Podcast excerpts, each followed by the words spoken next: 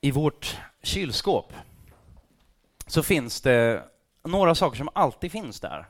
Och finns de inte där så får man lite, då får jag lite panik. Jag vet inte hur det är med er men hos oss finns det alltid, och jag är den som ser till att det finns där. Och det är sweet chili sås. Barnen äter ketchup på allt och jag äter sweet chili-sås på allt. Nej, skämt åsido. Jag vet att alla gourmetkockar så bara dissar det totalt, men, men eh, det är rätt underskattat. Som trebarnsfamilj så lagar man ju ofta eh, väldigt så här, trerätters gourmetmiddagar varje tisdag, och, och onsdag och torsdag. Nej, inte riktigt alltid. Någon gång händer det att man gör det här som inte är godkänt på Solsidan. Att man tar de där fiskpinnarna och den där Felix snabb potatis. Nej, jag gör det väldigt ofta. Det är jättegott. Förstår inte vad det är för fel på, på just det, men då är det väldigt gott att lägga till lite sweet chilisås. Men det är egentligen ett sådär konstigt. Det är ju två, varandras lite två ytterligheter. Söt choklad och stark chili. Gott. Två ytterligheter sådär. Eh, låter lite konstigt.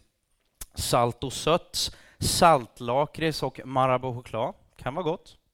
Två saker som egentligen inte, jag vet inte hur, hur det hänger ihop riktigt sådär, men kroppen gillar kontraster. Jag älskar kontraster, inte riktigt alltid, men det är ändå fantastiskt att få basta och så sitter man i bastun så länge det bara går tills man, inte, tills man håller på att krevera. Och då hoppar man i den där antingen kalla vattnet då på, på badhuset eller helst ner i en vak som man sågat upp själv. Det är känsla. Det gör ont på ett skönt sätt någonstans. Om man har suttit tillräckligt länge, allting handlar om att sitta tillräckligt länge innan i bastun. Jag vill prata om sweet chili idag. Inte just så mycket om, om just det, det jag har i kylskåpet, men om kontraster. För att när jag läser Bibeln, då ser jag en bok full av kontraster. Ytterligheter kan man tycka. Och ibland undrar man hur, hur, hur hänger det här ihop? Eh, Johannes evangeliet kapitel 1 och vers 14 är den texten som jag tänkte snurra kring idag. Den kommer upp på skärmen alldeles strax. Jag har två olika versioner, eh, två olika översättningar, tolkningar. Och ordet blev människa och bodde ibland oss. Och vi såg hans härlighet, en härlighet som den enda sonen får av sin fader, och han var fylld av nåd och sanning. Man kan nästan säga nåd och lag på ett sätt. Så jag komma till det. Det finns en engelsk översättning som heter The Message, och nu har jag tagit en engelsk översättning som är tolkad från, från grekiskan, och så har jag tolkat den till svenska då med min, liksom, ja, så att, liksom, ja, väldigt, känner tro, trovärdigheten här. Men bara någonstans få lite komplettering till den andra. Jag, jag gillar den här översättningen. Eh, ordet blev kött och blod och flyttade in i kvarteret där vi bor. Vi såg härligheten med våra egna ögon. En enastående härlighet. Sådan far, sådan son, generös inifrån och ut, full av nåd och sanning. Det finns inga ord i min värld som kan fullt ut beskriva Jesus Kristus, Guds son, som, som det faktiskt talas om här. Ordet blev kött. Det låter ju väldigt så här, en köttbit, man ser det framför sig. Jag, jag blir lätt grafisk, så här, ser en entrecote. Alltså det blir liksom lite konstigt, men, men det är ändå ordet, Gudsordet, uppenbarelsen om Gud, blev kött, blev människa och flyttat in ibland oss, i vårt samhälle, i vårt kvarter. Så någonstans är det så, sådan far, sådan son. Eh, ska man säga någonting om Gud så tycker jag att den här, den här versen säger ganska mycket i alla fall. Ger oss en, ganska tydliga ledtrådar på vägen. Vad, vad, vem är Gud? Han är inte bara långt borta, han flyttade in nära oss. Han bor mitt ibland oss. Och Jesus själv, sådan far, sådan son. Ja, Alltså sån Jesus är, sån är Gud. Vi kan titta på honom. Det är därför, det är därför jag och, och ja, men vi är sån, såna fans av Nya Testamentet och, och, och ja, Bibeln överhuvudtaget, men vi undervisar ifrån Bibeln. Och det här också, det här att han är full av nåd och sanning, tycker jag är en, alltså det är ju en oslagbar kombo. Vi ska komma till, till varför, men försöka att eh, glänta lite grann på dörren i alla fall idag. Om, om bara glänta lite på dörren och, och blicka in i lite mer sådär. Försöka och, och eh, inte göra honom rättvisa fullt ut, men lite grann. Och jag skulle vilja säga så här, det går inte att beskriva Gud eller Jesus till fullo med ord.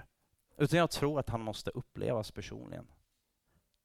Jag älskar en, en, en, ett citat eller en, något som Jobb säger i Jobs bok i Gamla Testamentet. Slutet av den här boken. Han har hållit på och harvat fram och tillbaka och undrar, för det är så orättvist.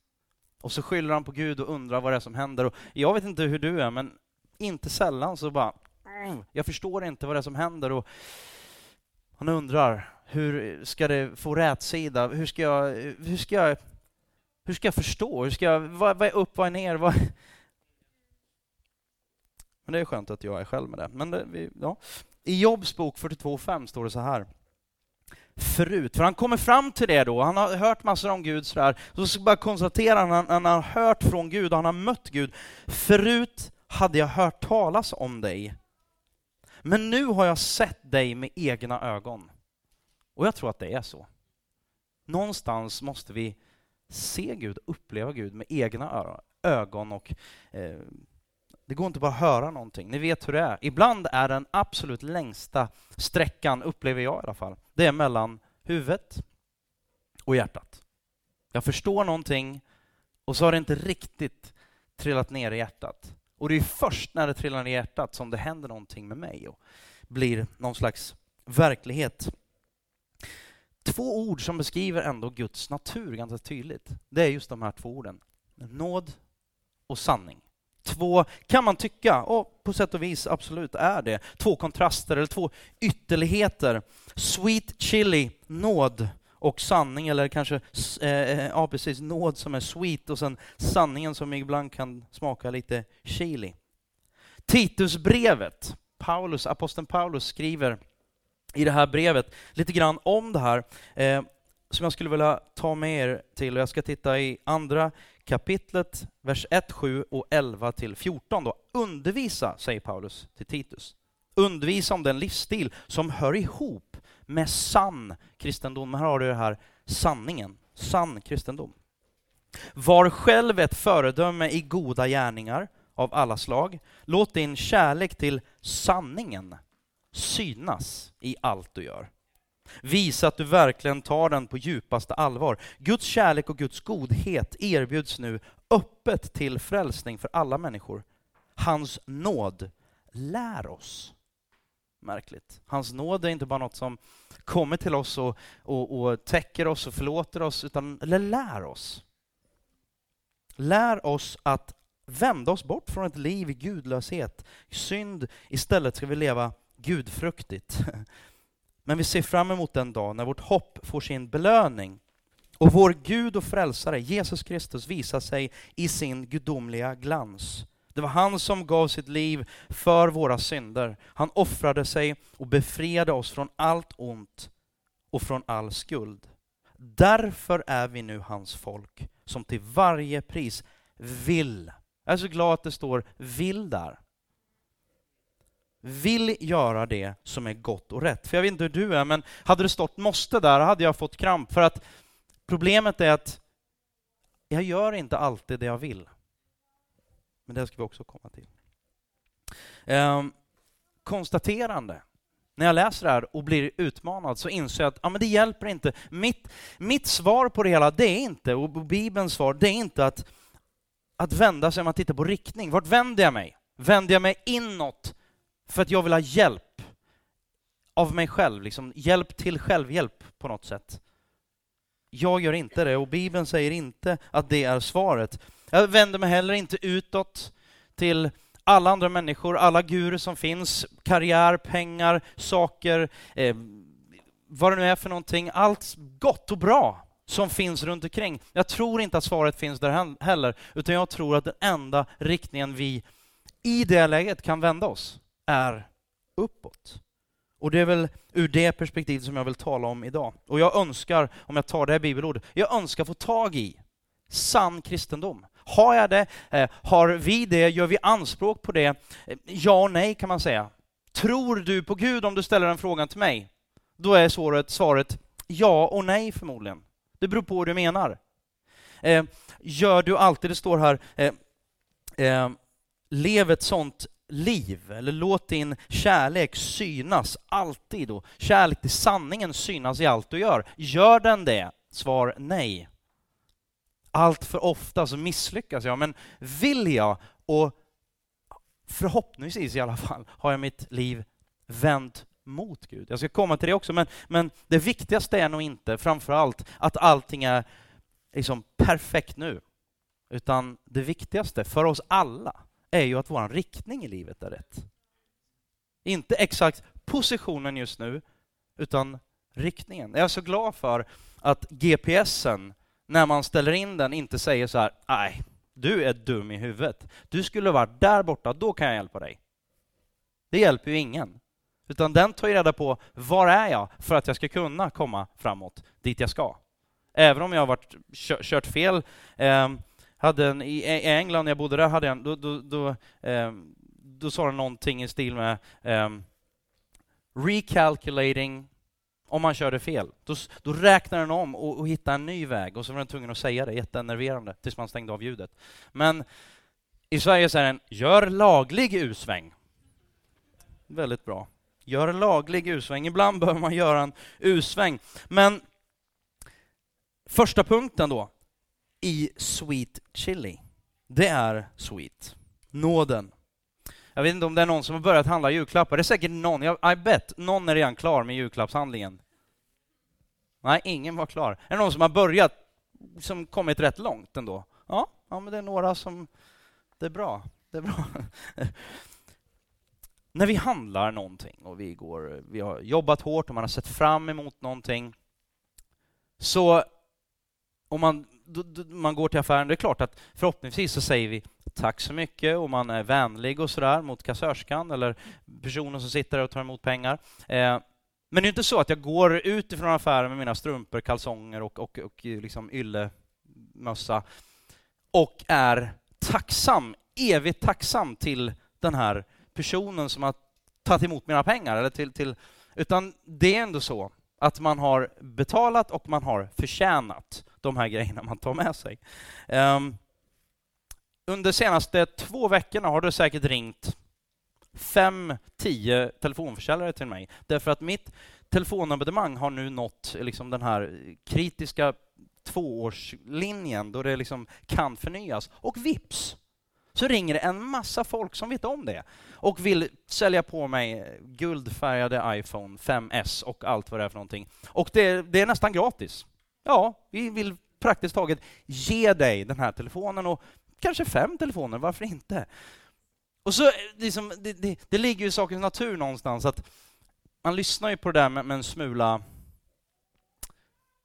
utrymme för att det kanske finns en räv bakom örat på den som ringer, tänker man ju. Det är för bra för att vara sant och det brukar ju stå för det någonstans. Alltså, en säljare som får det att låta för bra för att vara sant, då är det oftast för bra för att vara sant.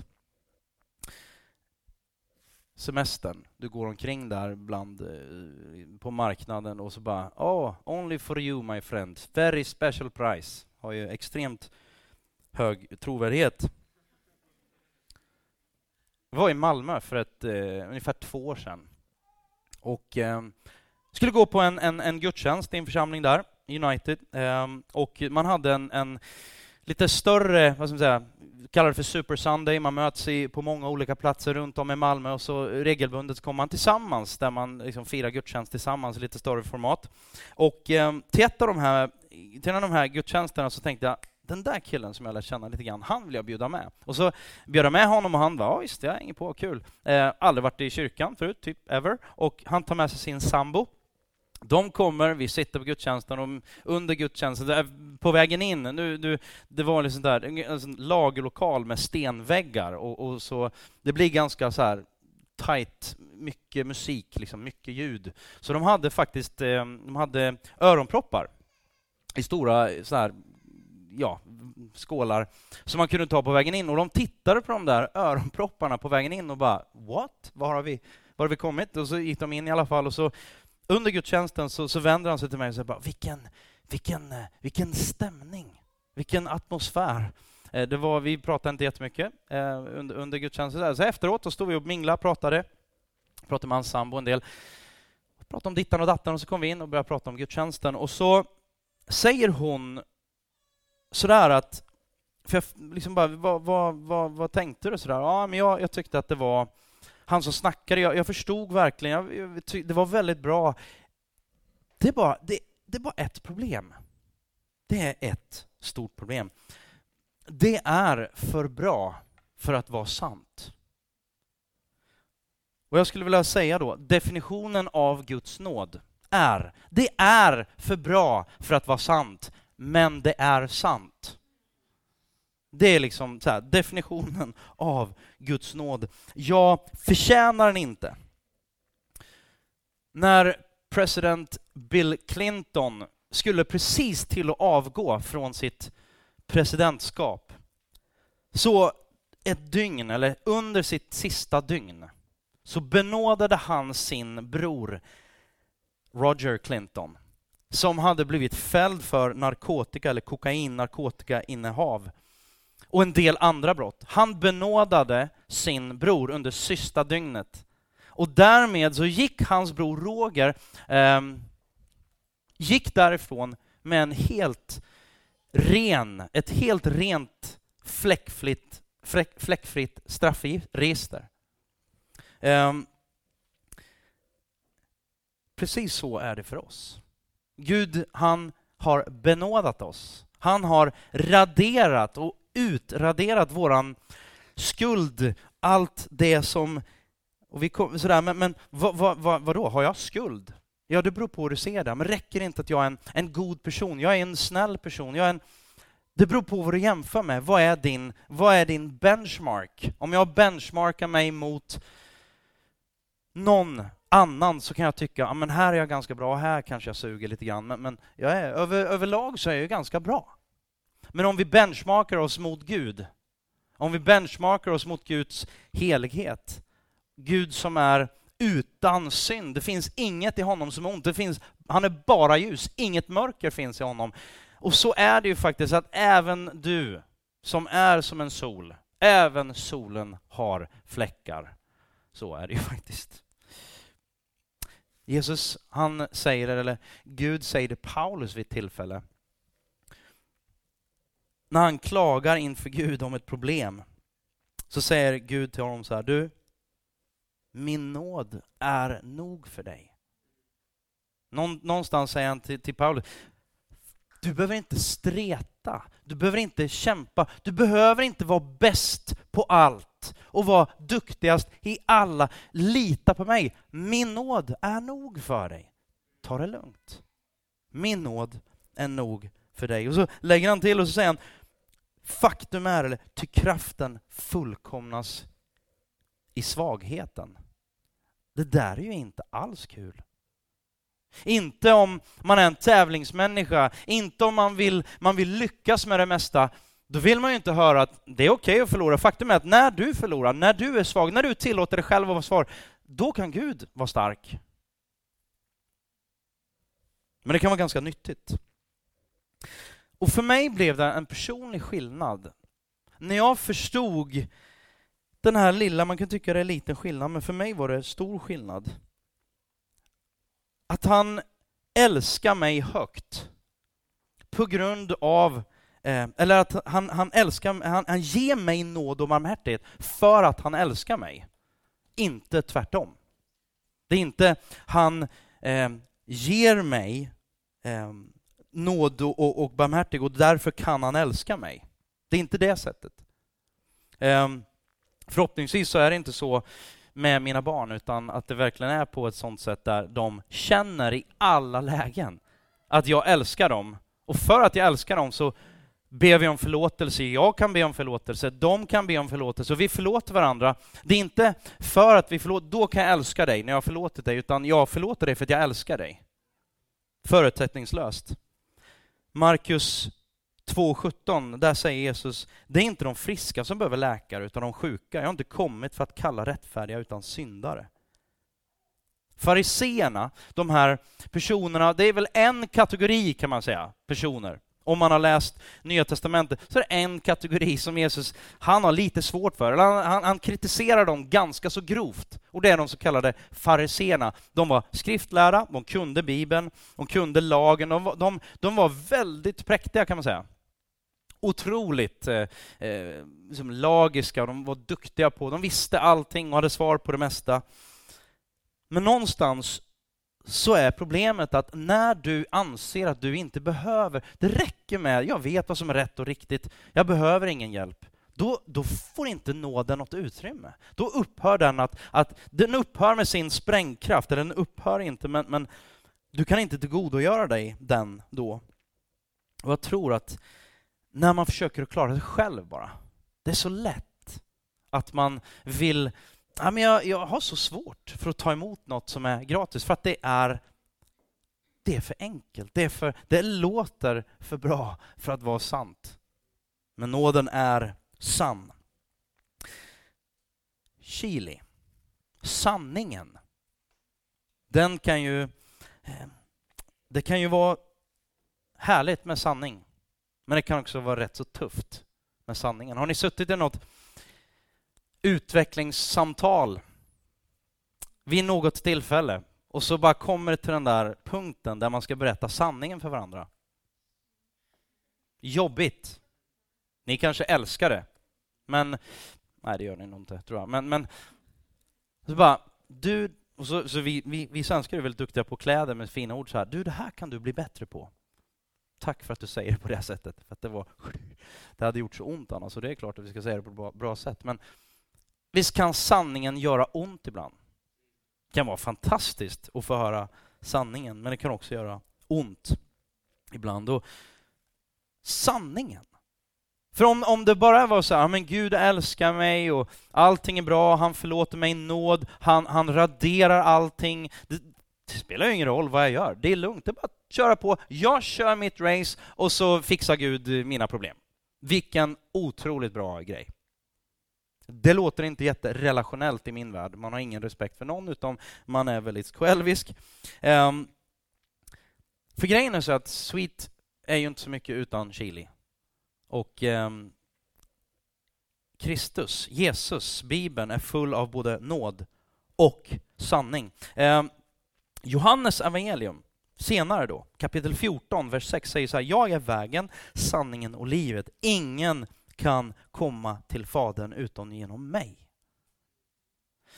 Det är någonting i Jesus där han är otroligt generös. Men när det väl kommer till vissa punkter så är han väldigt tydlig, väldigt skarp. Jag ska läsa några, är det okej okay att jag läser några riktigt jobbiga versar? Om man, om man liksom inte har med sig sweet först. Är det okej? Okay? Jag gör det ändå, så det spelar ingen roll, men jag har ändå frågat. Matteus evangeliet kapitel 5, vers 14, och så kommer jag dra några snabba versar så här. Tro inte att jag har kommit, säger Jesus då. Det här är det som kallas för bergspredikan. Tro inte bara att, för jag kommit för att, äh, att jag kommit för att upphäva Mose lag, det profeterna har sagt. Nej, jag har kommit för att uppfylla dem och för att de ska förverkligas.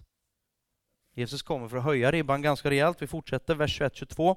I Mose lag lydde regeln, om du dödar någon döms du själv till döden. Men jag säger, om ni bara är arga på någon och det så i era egna hem hänger domen över er. Om ni kallar en vän idiot ska ni ställa sig svars för det. Om ni förbannar honom så väntar er helvetets eld.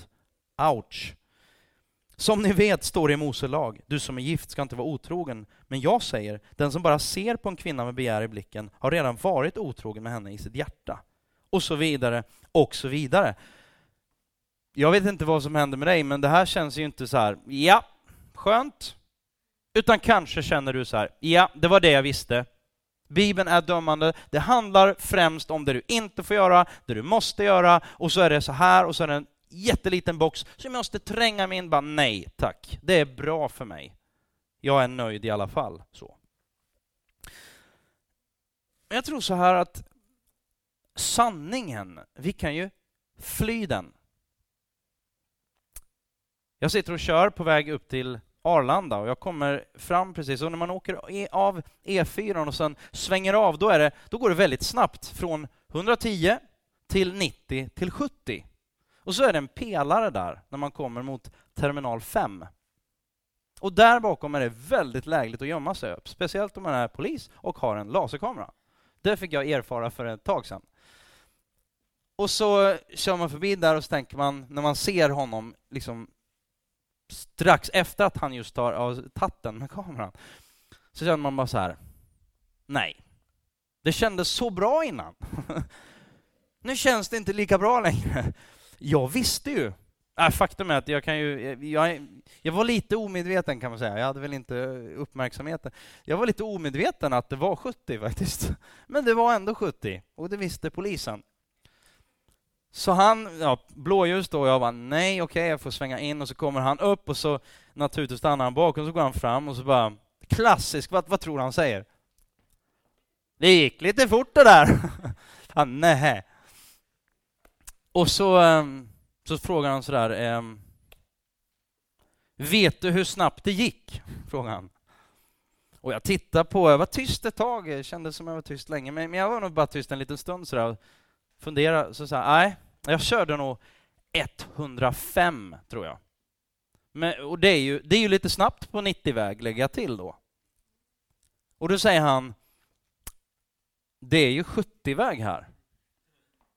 Och det är ju 35 km fort och då vet man ju att då blir man av med kortet. Och då säger jag, aj! Det är ju inte alls bra. Och då, då säger han så här, du, um, du sa ju faktiskt... Och så vi, han, alltså, han håller upp faktiskt den här eh, kameran eller pistolen. Och så visar han, då var det 105 kilometer i timmen. Så jag hade ju svarat precis rätt. Och då sa han så här, du var ärlig. Det, var, det, det är bra. Eh, och så ropar han till sin kollega och säger så här, du, vi skriver ner det här till 95. Och så säger han bara, är det okej okay med dig? så här, och då, då var det liksom så här, för mig så var det, det var, det var, sanningen var den att jag har kört för fort. Och nåden var, i mitt fall då, att jag fick behålla mitt körkort. Det var väldigt trevligt, tyckte jag. Väldigt dålig liksom, liknelse kan man ju tycka sådär, men det är ändå så, det är så lätt att tränga undan sanningen fram till det där ljuset kommer på bakifrån. Blåljuset. Jättejobbigt. Och grejen är den att det där med sanningen. Saker och ting, ja, vi beror ju på hur vi förhåller oss till, till saker och ting. Och vi tänker ju väldigt mycket så här, det som är rätt för dig, det är ju nödvändigtvis inte rätt för mig. Det som är rätt för dig, det är bra, men för mig så är det något annat som gäller. Och jag håller med, absolut. Det är klart att det är så när det handlar om vilket gym du och jag ska välja, eller vilka kläder och vilket jobb och sådana här saker. Men när det kommer till Gud så är ju han den han är. Sen kan ju vi välja att tro på honom eller inte tro på honom. Det är ju upp, det är verkligen upp till var och en av oss. Men han och Jesus då i Johannes 14 och 6, han gör ju ett enormt stort claim. Men han åberopar och säger jag är vägen, sanningen och livet. Ingen kommer till Gud utom att gå genom mig. Han, i det läget, så lämnar han inte jättemycket utrymme och bara, vad, vad, vad tycker du? Antingen så, ja vi måste ju förhålla oss till, till honom på något sätt. Vi kan ju välja att, att, bara köra på och inte förhålla oss till det, men, men till slut kommer det nog i ändå. Jag tror det. Och sanningen är, tror jag, och det som Bibeln vill peka på är inte främst du är så dålig och nu ska du göra det här, du får inte göra det här. Utan Bibeln vill peka på det här, Romarbrevet 5 och 20. Är ni med? Vill peka på det här.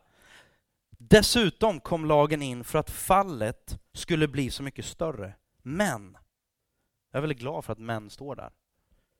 Men där synden blev större, där överflödade nåden ännu mer. Sanningen, någonstans så bara visa sanningen, om man hårddrar det. The bad news is, du klarar det inte själv. The good news is, Gud finns där för dig och för oss alla. Och där har du sista punkten, sweet chili. Den perfekta kombon. Återigen då från eh, Titus. Eh, hans nåd lär oss att vända oss bort från ett liv i Gud, löshet, Gud, från vändhet och synd. För det är samma sak. Istället ska vi leva gudfruktigt, Gud tillvända. Men vi ser fram emot den dag när vårt hopp får sin belöning och vår Gud och frälsare Jesus Kristus visar sig i all sin gudomliga glans. Det var han som gav sitt liv för våra synder. Han offrade sig och befriade oss från allt ont och från all skuld.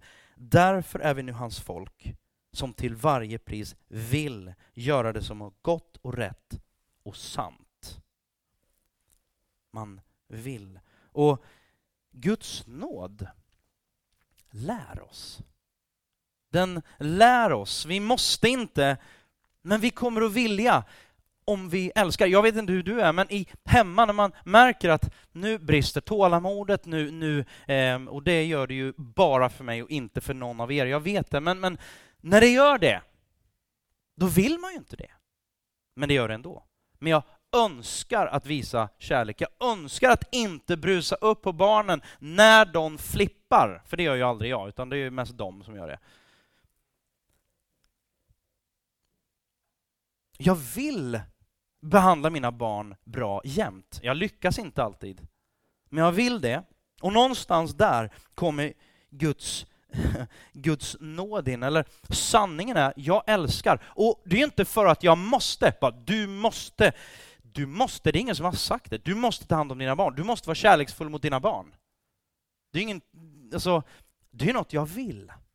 Och helt plötsligt, där har du kärnan i evangeliet. Det handlar om vad du vill. Vem du älskar kommer att avgöra hur du hanterar folk runt omkring dig. Om du bara älskar dig själv och du är fylld av dig själv, då kommer allting runt dig rotera kring dig och du och jag och mitt. Eller hur? Våra relationer. Så länge du ger mig det som jag vill ha, då är vi partners. Men när du inte gör det längre, när jag inte får ut någonting längre, då, då säger jag hej då till dig, för då går jag till någon annan som kan fylla mina behov. Och det är mig det handlar om. Det är mina behov det handlar om. Säger jag att våra, mina behov, att det är oviktigt? Nej, absolut inte. Men om helheten handlar om, utifrån det här perspektivet, om jag ska, hur jag ska behandla människor, att det inte handlar om du måste, utan jag vill. För om jag bara älskar mig själv, då kommer jag behandla andra människor, om det bara, om det verkligen är så. Jag behandlar mig själv väldigt väl och andra människor är inte särskilt viktiga mitt i alltihop. Men om jag älskar människor runt omkring mig, då blir det inte, om jag verkligen, då blir det här ge presenter, ge tid, att, att finnas där, att omsorg, att, att ja, men ge värme, att förlåta. Det är, inte lika, det är inte speciellt svårt. Jo, det är svårt ibland, men det är inte så svårt i det stora hela. Som Roger sa, nej men vad handlar det om att, vad liksom, Ella, ja men ge kärlek. Omsätta det i handling på olika sätt. Jag tror att sanning och nåd måste höra ihop. Någon sa så här, let God's truth sting and let God's grace sing. Det gör lite ont, men vi förstår. Och tanken, om man nu tittar på, på det bibelordet vi, vi läste, Romarbrevet, när lagen kommer in och fallet blir stort, då blir nåden mycket större. Det är poängen. Ehm, och evangelium är den perfekta kombon av nåd och sanning. Så the bad news är, vi är syndare. Vi, eh, vi har inte allt. Vi, inte när vi benchmarkar mot Gud, men Guds nåd kommer och vi är förlåtna och vi får ännu mer. Vi får till och med kraft, vi får hjälp till förändring. Och där någonstans är det så viktigt när jag börjar och ska avsluta med det. Bibelns fokus är väldigt tydligt, inte på var du är, var du befinner dig, hur duktig du är och, och liksom allt det där, utan det är på din riktning. Inte på din position, utan på din riktning. Och det är min fråga till dig idag. Var är du på väg? Om du fortsätter i den riktningen, samma riktning, i samma fart, i, i, utan att göra någon större förändring, var landar du då framöver? Var landar du framöver? En kort story från Bibeln eh, för att belysa det här just med när, när the word stings och the truth eller the grace sings är i Johannes 8, vi ska inte läsa det, men det är när Jesus han sitter, han sitter på knä, han, han finns där och så kommer de här fariseerna, de vill fälla Jesus, de vill sätta dit honom. Så bär de dit en tjej som har blivit tagen på sängkanten, rent liksom bildligt talat. Hon, hon eh, ja, äktenskapsbryterska. Jag vet inte vart mannen var, honom brydde sig inte om, utan det var bara kvinnan där i det här fallet. Då. Fram med henne. Och så sa ju den judiska lagen sa att hon har blivit erta äh, ertappad på bar gärning, hon ska stenas. Det var vad lagen sa. Och då ville de sätta dit honom för att antingen, om han sa ja till det, då skulle han säga nej till den romerska ockupationsmaktens eh, liksom, lag på det sättet, för det fick man inte göra på det på det sättet utan eh, trial naturligtvis, utan en, en rättegång. Å andra sidan har han sagt nej till det. Då hade han ju gjort, sagt emot den, den eh, judiska lagen och Toran och Mose lag. Så han hade liksom, det var en no-win situation. Och han sitter ner och skriver i sanden när de, när de säger och bara, ska du liksom, vad ska vi göra med henne? Ska vi stena henne? Han svarar inte först, han sitter och skriver och håller på lite, kanske ritar någonting, spelar schack med sig själv eller någonting. Och så efter ett tag så, så jag vet inte om han ens tittar upp, han kanske bara säger Den som är utan synd kasta första stenen. Och så bara Det blir nog rätt tyst där tror jag. Han svarar inte, han säger bara Den som är utan synd kasta första stenen. Det blir väldigt tyst och så står det att farisé efter farisé, person efter person bara släpper sin sten och går därifrån. Till slut är det bara hon, den här kvinnan och Jesus kvar. Det är bara de två kvar. Och för att göra en, en lång story kort, så säger, story kort så säger han bara Inte heller jag dömer dig. Gå och synda inte mer.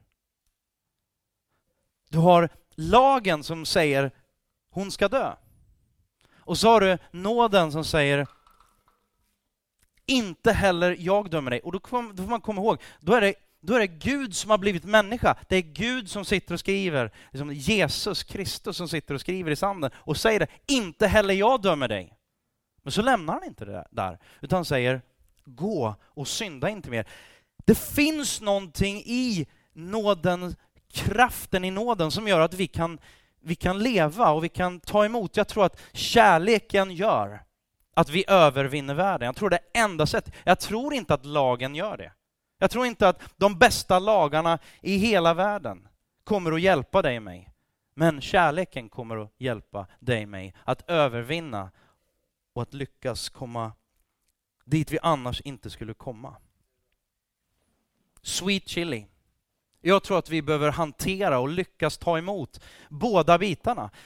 Väljer vi att värja oss ifrån och bara, nej men sanningen, jag, jag blir orolig, jag, jag eh, nej ingen får komma till mig, inte ens Bibeln. Bibeln får inte säga att jag har fel, att jag, jag, och så vidare och så vidare. Vad gör vi med det? Eller vänder vi oss till Gud och säger, Gud, det där, det där, det där spelar egentligen, det är viktigt, men i det stora hela spelar inte de där sakerna roll, utan det är min relation med dig som spelar roll. Det är där det börjar, det är där som är källan. Kärleken, Guds kärlek, han älskar mig, därför kan jag älska andra. Han var full av nåd och sanning, både sanning men också nåd.